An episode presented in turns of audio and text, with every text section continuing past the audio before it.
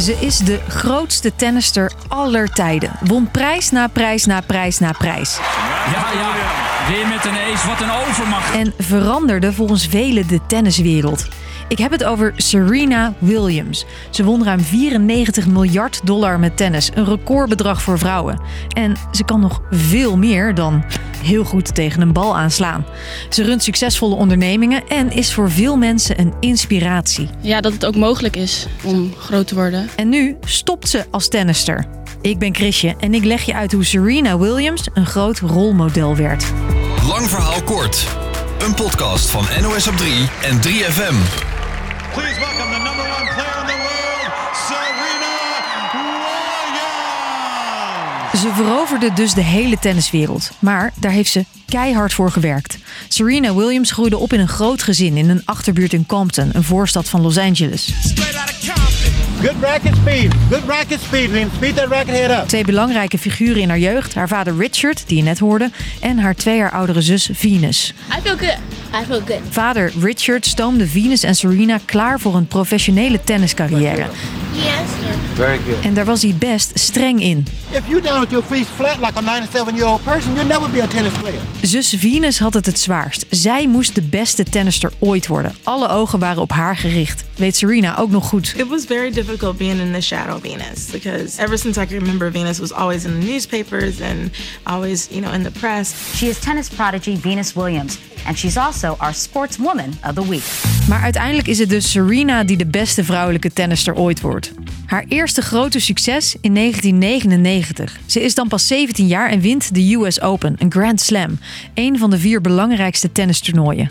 Ongelooflijk. Zij wint van de nummer 1 van de wereld met 6-3 en 7-5. En kan het eigenlijk nog niet geloven. En daarna volgt nog veel meer. Ze wint 23 Grand Slams, wordt vier keer Olympisch en vijf keer wereldkampioen. The power van eh, Serena Williams. Serena Williams is onoverwinnelijk en dat weet oud-tennister Christy Bogert ook. Ze speelde zelf twee keer tegen Williams. Zij heeft toch een beetje een uitstraling dat ze vaak met wedstrijden misschien zelfs voor je gevoel al 3-0 voor staat. En dan moet je nog gaan beginnen.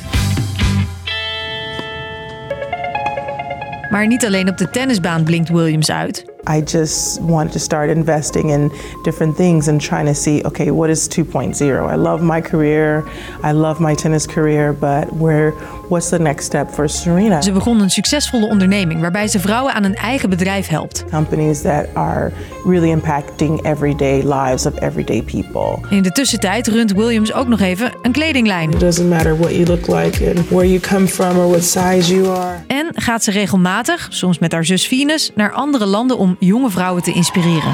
The pair traveled to Nigeria and South Africa to inspire local girls to fulfill their potential. So I'm very happy they're coming here to look like them, to be like them. Je kan als vrouw je dromen bereiken, dus wees wie je wilt zijn. Dat is de boodschap die Williams vaak uitdraagt. Ook in de modewereld vertelt Jelis Cicek. Zij is hoofdredacteur bij Vogue. Je kan krachtig zijn en je kan mooi zijn en je kan je lichaam in alle mogelijke vormen omarmen. Dus zij heeft daar enorm veel in betekend voor vrouwen.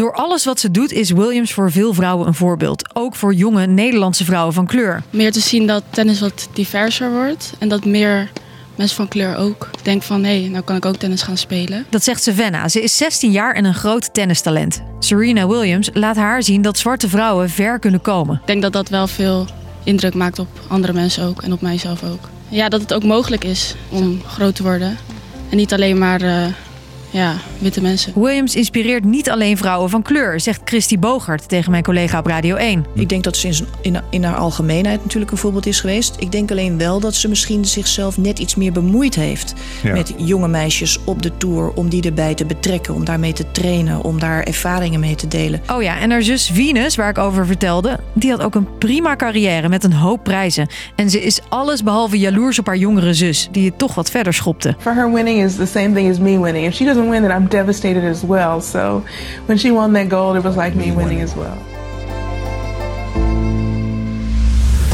Dus, lang verhaal kort. Serena Williams kwam van ver. Ze groeide arm op, maar werd uiteindelijk veruit de beste tennister ter wereld.